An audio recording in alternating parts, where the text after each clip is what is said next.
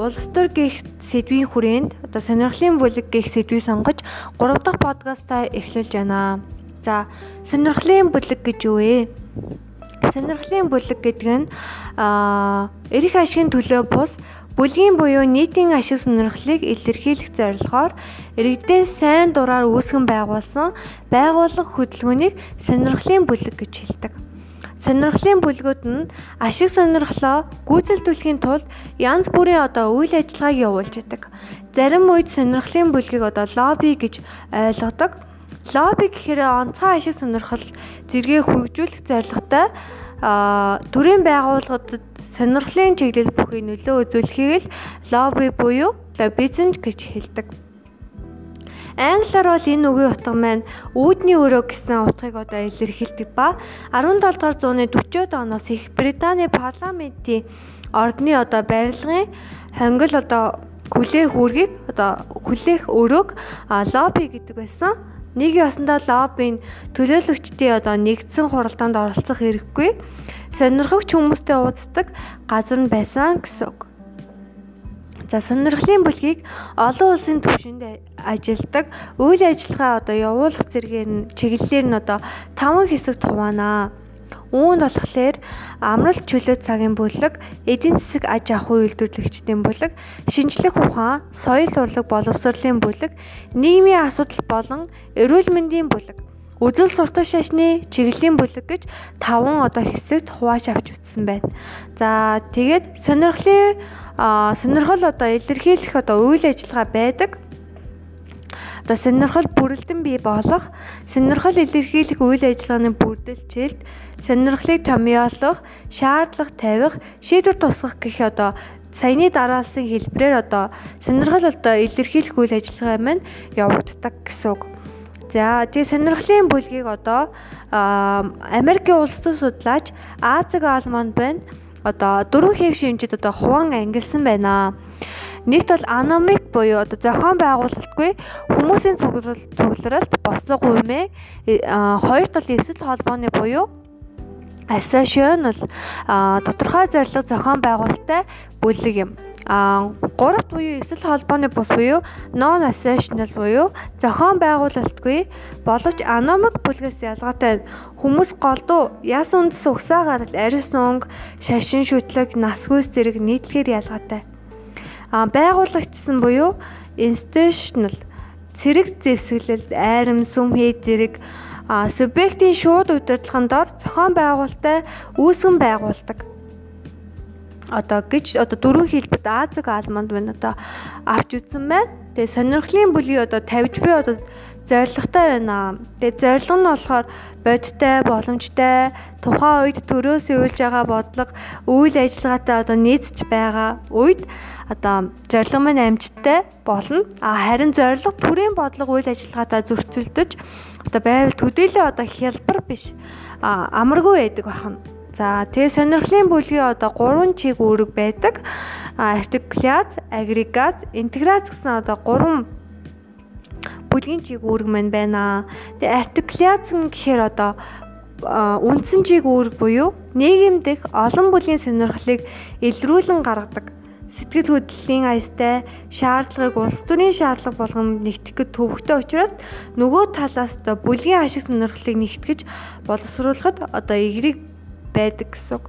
За агрегац нь болохоор явцуу олон шаардлагыг цэгцлэн нэгтгэн боловсруулдаг. Интеграц болохоор бүлгийн гишүүдийн сонирхлыг нэг зөв нэг үзүүрт одоо чиглүүлэх буюу мөн нэгтгэх гэж чиглэн гэсэн үг. Ингэж нэгтгэж чадсны одоо давуу тал нь улс төрийн одоо шийдвэрт тусгуулж чаддаг. Ингээд одоо харахаа сонирхлын одоо бүлэгт одоо эв нэгдэл маань одоо чухал одоо ач холбогдлыг авчирдаг байх нэ. За 20 дугаар зууны дунд үед одоо хүрл сонирхлын одоо бүлгийн маань парламентын гишүүдэд дарамт үзүүлэх байдлаар одоо тусгуулдаг хэмээн ойлголдог байсан боловч орчин үед маш олон арга одоо зорилгоо хэрэгжүүлдэг болсон сонирхлын бүлгийн тэгээ асуудлаа одоо хэвлэл мэдээлэлээс асууж хэлбэр одоо шийдвэрлэх жагсаал цуглаан зохион байгуулах ямар нэгэн асуудлыг шийдвэрлэхийн тулд эрэх бүхий албанд шаалтаж санхүүгийн дэмжлэг үзүүлэх эсвэл үзүүлэхгүйгээ одоо илэрхийлэх мэдээлэл одоо хянаж дүн шинжилгээ хийх одоо заргалдах гэх мэт арга зам одоо сонирхлын бүлэгтмэн одоо нээлттэй болсон байгаа. За ингээд одоо нэгтгэхэд одоо дүгнээд үзэх юм ба сонирхлын бүлэг минь одоо өөрийн ашиг сонирхлын төлөө бас одоо бусдын нийтийн ашиг сонирхлын төлөө л явдаг одоо байгууллага буюу лобби юмаа л гэж ойлгоход болно.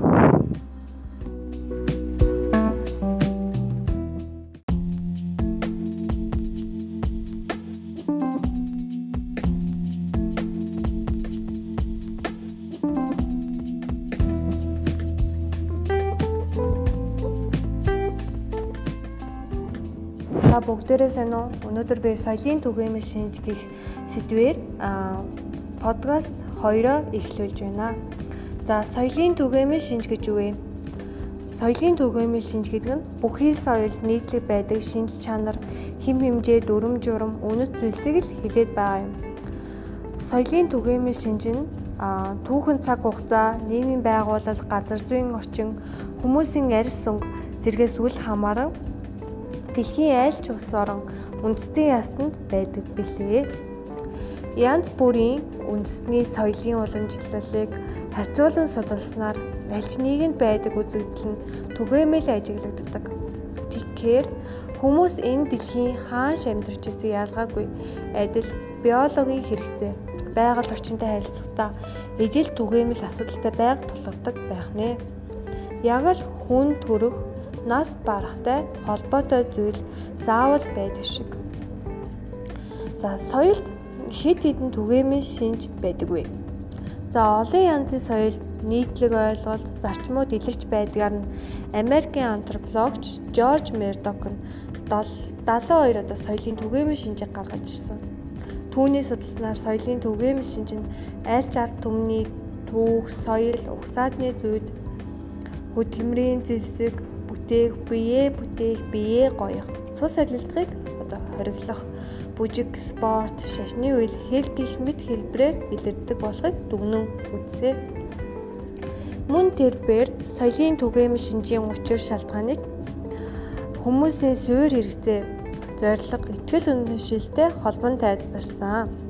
Яг л бүх хэлэнд их шиг гээгүүлэгч байдаг шиг мөн хүмүүс сэтгэл санаа хэмс үедээ гадаад орчныг нөлөөлөлд адил байдлаар ханддагтай адил билээ. За үүгээр түгээмэл шинжин маань шууд илрэн ингээд гараад ирэхгүй хэд хэдэн хүчин зүйлсээр илэрнэ. А үүнд болохоор үндэстэн өөр өөрийн гэсэн хэлтэй байна. Хүн амын 90 орчим хувь нь одоо өргөн тархсан 83 83 хэлээр ярьдаг. А бүх үндэстэн өөр өөрийн бэлэгдэлтэй байна. Монголчууд морийг бэлэгддэг бол хятадууд лууг бэлгэшээдэг. Бүх үндэстэн нийтлэг үнэлэмж байна. Сайн уйл сайхан шударга ёс эргжүүлэг гэх мэт үнэлэмж байдаг. Үндэстэн бүрийн соёлд газар зүйн байрлал, уур амьсгал, эрхлэх аж ахуй нөлөөлдөг. Бидний соёлд одоо бахархал, хотын дуу маань Монголын уудам гол нутагтай холбоотой байдаг шүү дээ. За Үндэстэн бүхэн өөр өөрийн зан үйл, сүсэг, итгэл, ёс заншилтай байна. Хуримлах ёс, бэлэг өгөх ёс, хооллох ёс, буддагийн шашин, бөөгийн шашин гэх мэт түгээмэл хүчин зүйлсээр илэрч байдаг байна. За ингээд соёлын түгээмэл шинжээ дүгнээд зүйл соёлын түгээмэл шинж нь соёлуудыг харьцуулан судалж өөрийн соёлоор бахархаж бусдын соёлд хүндэтгэлтэй хандах үндсэн суурь болдог байх нэ. Мөн соёлын түгээмэл шинжин зөвхөн тухайн үндэстэн төдийгүй дэлхийн нийтэд түгээмлэр илэрдэг. Ганцхан хүчин зүйл бус хэл, бэлэгдэл, үнэлэмж, газар зүйн байрлал, итгэл үнэмшил, сүсэг, зан үйл гэх мэтүүсээр соёлын түгээмэл шинж манд илэрч оршин тогтнодог билээ. Манай Монгол улсад гэхэд цагаан сараар холын өвөө эмээ хамаатан садан найз нөхөддөгөө залгалт хийх гэж очдог уламжлалт баяр байдаг.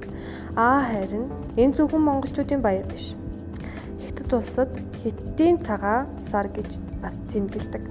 Мөн төрсөн өдөр шинэ жилийн баяр гэх баярыг дэлхийн хүмүүс бүгд тэмдэглэдэг. Тэгэхээр энэ нь одоо бидний соёл ойлгож авах соёлын түгээмэл шинж юм аа.